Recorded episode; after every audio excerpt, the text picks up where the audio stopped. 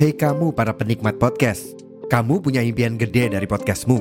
Tools di First Story bisa banget bantu kamu. Mulai dari F-Link, Dynamic Audio Insertion, sampai statistik yang komprehensif, semua ada di First Story. Gak ketinggalan, kamu bisa monetisasi podcastmu lewat iklan dari First Story Ads yang bisa kasih kamu penghasilan dari setiap place podcastmu. Yuk gabung sekarang dengan klik di firststory.me. Sekali lagi, di firststory.me.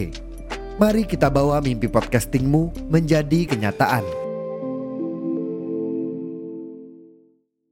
Setelah penantian beberapa bulan, akhirnya kita bisa nonton Inter main di pertandingan kompetitif lagi ya kemarin di Serie A dan langsung dikasih kemenangan. Alhamdulillahnya. Lagi-lagi emang harus Zeko, emang harus Zeko yang mencetak gol yang memenangkan pertandingan Inter. Balik lagi kalau main Lukaku ya, menurut gue walaupun belum bisa mencetak gol ya, presence saya sangat penting di Inter kemarin. Jadi gue harap partnership Lukaku Lautaro Martinez akan berjalan lagi ya di pertandingan-pertandingan selanjutnya.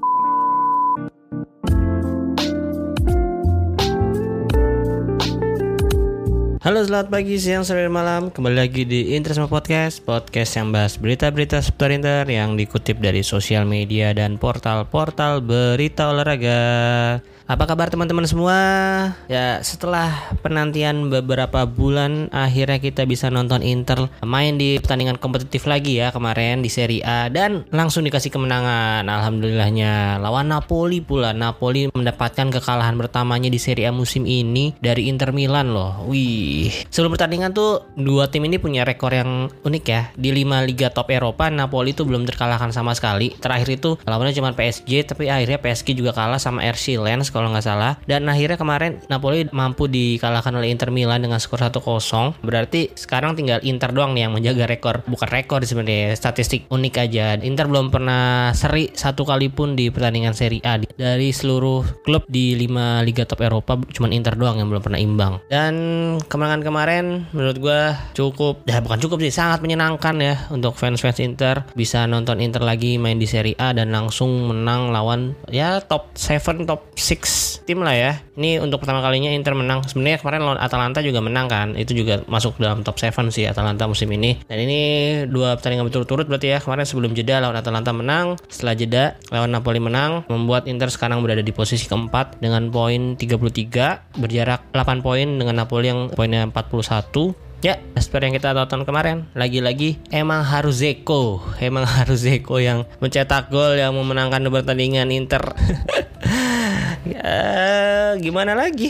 Aneh sih emang cuman ya memang Zeko ini pemain yang saat ini bisa diandalkan ya. Oleh Inter dia sudah mencetak 7 gol sama dengan Lautaro Martinez sebagai cetak gol terbanyak Inter di Serie A musim ini. Kalau menurut gue pertandingan kemarin itu di awal-awal pertandingan babak pertama pun Inter udah punya banyak peluang sebenarnya dari yang crossingnya Lukaku terus di Marco gagal mengkonversi jadi gol malah crossing balik ke sisi kanan. Terus ah, Darmian itu momen Darmian juga aduh tuh enak banget tuh bola-bola Darmian loh sebenarnya. Cuman kenapa dia lebih memilih pakai ke dalam ya daripada kaki luar gitu semi half volley gitu. Dikencangin aja ke pojok nggak usah pojok pojok amat. Dan itu malah ngeplacing dengan kaki luar ke pojok kanan atas cuman sayang masih melambung. Terus apalagi ya? Banyak sebenarnya momen-momen itu. Dan ya banyak yang menyayangkan juga performa Lukaku kemarin ya belum terlalu maksimal. Cuman memang ada beberapa peluang juga kan. Lukaku salah satunya yang uh, asisnya Barella tuh yang pakai back heel terus dia tendang kaki kanan saya masih tepis dan melambung di atas uh, Mister Gawang Meret. Itu banyak peluang peluang yang harusnya bisa jadi gol. Harusnya sih Inter bisa menang 2-0 atau 3-0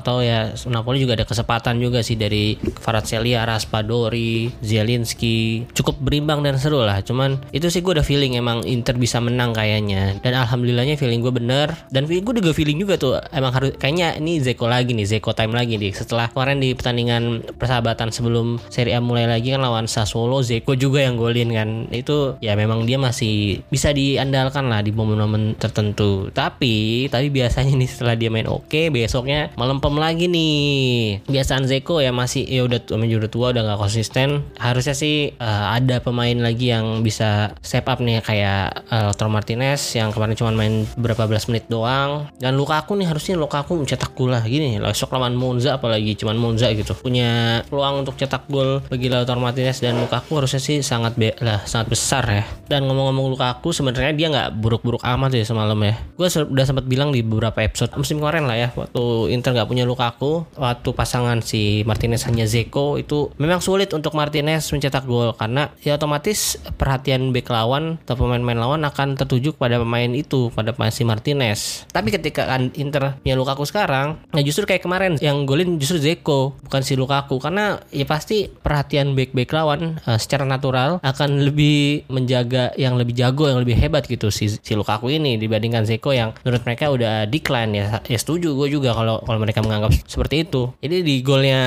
Zeko kemarin pun uh, kan itu dari proses ya bukan counter attack sih cuman proses throw in. Memang defensive line-nya Napoli lagi tinggi. Mkhitaryan dengan bagusnya itu mengirimkan bola ke Di Marco. Di Marco kontrol sedikit langsung crossing ke Zeko kan. Nah selain ada Zeko kan sebenarnya ada Lukaku di sana. Cuman mungkin si Di Marco lebih melihat Zeko yang cuman dijaga satu pemain doang dijaga oleh si Rahmani yang kemarin juga menurut gue underperform banget Rahmani ya. Itu diacak-acak mulu. Uh, setelah sama Zeko itu kan main Lautaro Martinez main Korea itu dia di masih dipaksain main aja. Cuman ya Lautaro Martinez dan Koreanya aja yang nggak bisa memanfaatkan peluang itu. Nah balik lagi. Itu Lukaku ada di kotak penalti juga tapi memang ada uh, bayang-bayang dari Kim Min dan Lobotka. Otomatis peluang di Marco untuk mengirimkan crossing lebih besar ke Zeko kan. Dan dia melakukan tugasnya dengan baik sehingga bisa jadi gol yang sangat krusial bagi Inter musim ini nih menurut gue itu gol Zeko itu sangat krusial lah satu gol. Zeko lawan Napoli bisa menjadi ya mungkin siapa tahu nanti di akhir musim poinnya sama head to head pertemuan kedua Inter ya semoga aja nggak kalah paling nggak seri lah.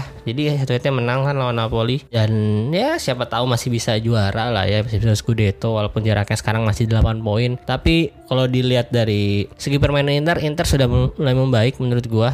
Jadi optimis sih masih bisa optimis kalau nggak Scudetto ya sengaja tiga besar atau dua besar bahkan. Dan balik lagi kalau main Lukaku ya itu tadi. Menurut gue walaupun belum bisa mencetak gol ya presence-nya sangat penting di Inter kemarin. Selain dia memberikan ancaman-ancaman dari itunya juga kan dia ngasih-ngasih umpan-umpan yang oke okay juga. Uh, balik lagi ke menit-menit awal tadi si Di Marco terus yang da, uh, proses Darmian juga itu kan dari Lukaku kan dia uh, dapat rupas dari Skriniar terus ngasih ke Zeko, Zeko lay off ke Darmian. Itu kan lagi-lagi prosesnya dari Lukaku. Jadi gue harap partnership Lukaku Lautaro Martinez akan berjalan lagi ya di pertandingan-pertandingan selanjutnya.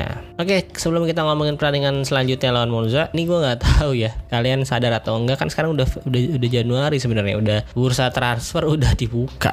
Cuman nggak ada berita-beritanya lo gue lihat di Twitter di Instagram nggak ada tuh berita-berita. Inter mau beli siapa? Ya paling ya jual-jual doang dan yang paling santer ya paling berita-berita perpanjangan Skriniar yang masih ada selisih gaji perpanjangan De Vrij perpanjangan Darmian dan semuanya perpanjangan kontrak doang. Nggak ada tuh rumor-rumor Inter mau beli siapa. Sedih sedih sedih di miris ya jadi fans Inter.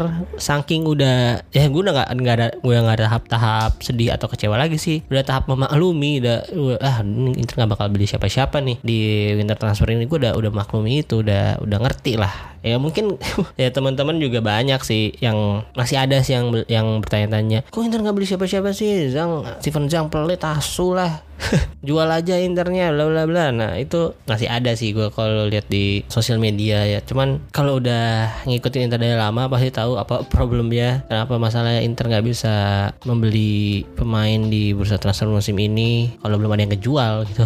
Siapa yang mau dijual sekarang yang bisa kejual? Di paling Gagliardini Gagliardini juga kan kontraknya udah mau habis. Kalau dia nggak dijual sekarang ya paling musim uh, musim depan free gitu. Jadi jangan berharap banyak lah untuk para Interisti. Jangan berharap banyak Inter akan mendatangkan pemain di bursa transfer kali ini kemungkinannya sangat kecil. Se walaupun sebenarnya ada beberapa lini yang harus ditambal salah satunya di tengah tadi sama lini tengah di belakang lah. Kalau back sayap sih sebenarnya uh, Dumfries, Belanova, Darmian di kanan itu udah cukup banyak cuman memang belum ada yang bener-bener greget gitu. Terus di kiri ya di Marco doang yang sejauh ini masih oke okay menurut gua. Gua sense pun uh, gua rasa sih kepercayaan diri udah naik ya. Kepercayaan diri udah udah oke okay nih. Tinggal gimana kawan-kawannya aja nih memberikan uh, umpan umpan yang terarah kepada Gosen memanjakan Gosen nih. Gimana, gimana lin tengahnya aja nih si Calhanoglu Barella Brozovic. Oh ya mas ngomong Brozovic uh, Brozovic juga masih cedera ya. Kabarnya lawan Monza juga dia belum bisa main baru di pertandingan selanjutnya dia mungkin akan dikasih menit oleh Inzaghi. Oke setelah itu apa ya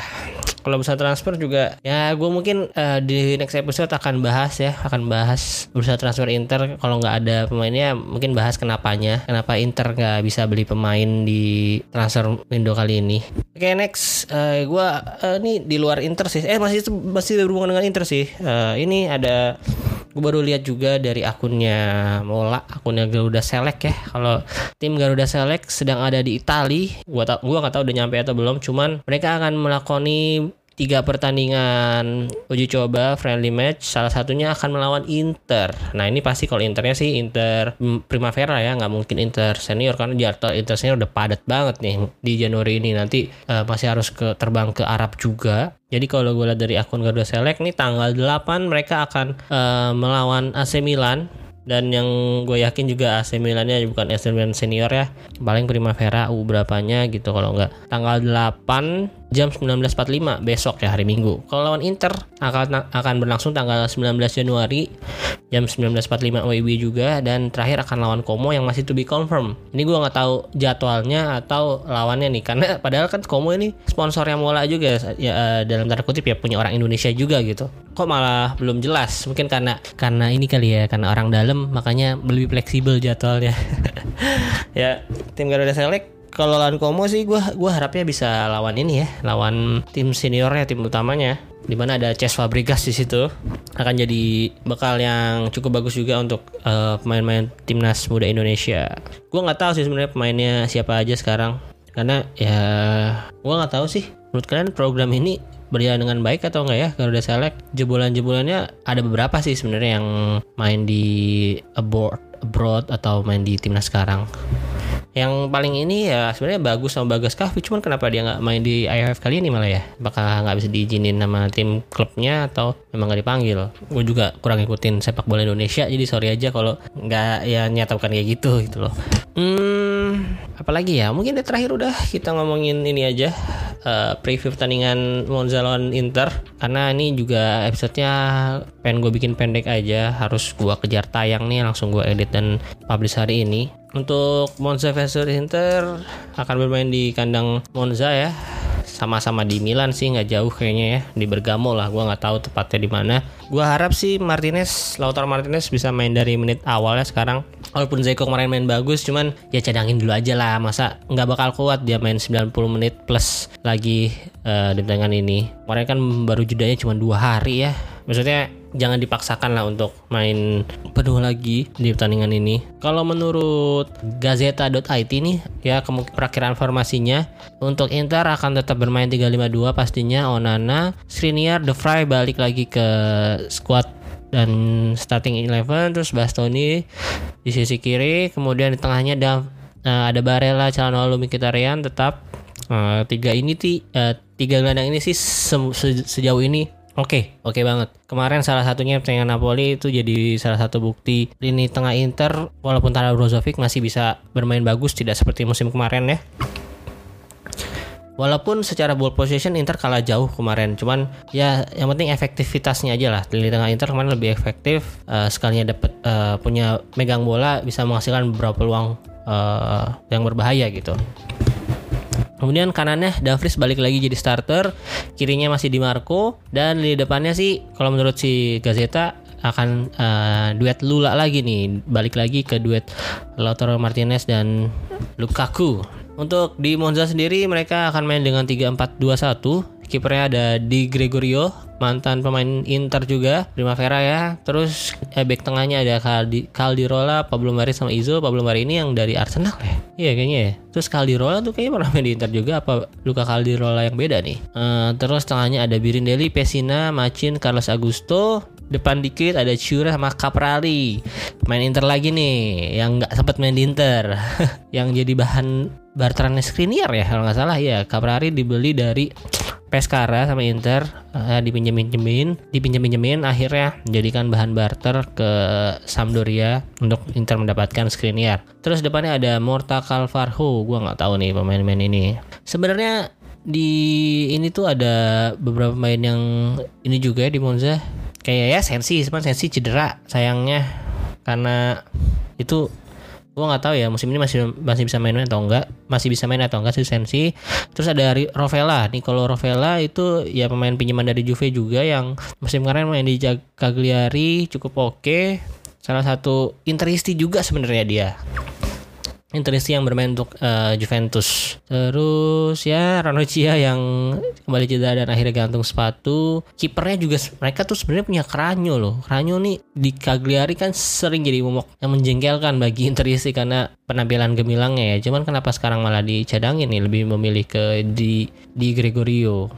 Oke, kalau menurut gua sih ini udah starting eleven yang terbaik ya dari Inter ya. Uh, tengahnya ada Dumfries eh ada Barella calon calon Mkhitaryan walaupun ya gue kalau misalnya Brozovic hmm, balik sih tetap akan prefer Brozovic yang main sih. Karena kalau Brozovic yang main tuh lebih seimbang aja walaupun kadang-kadang dia uh, lama ngedelay bolanya.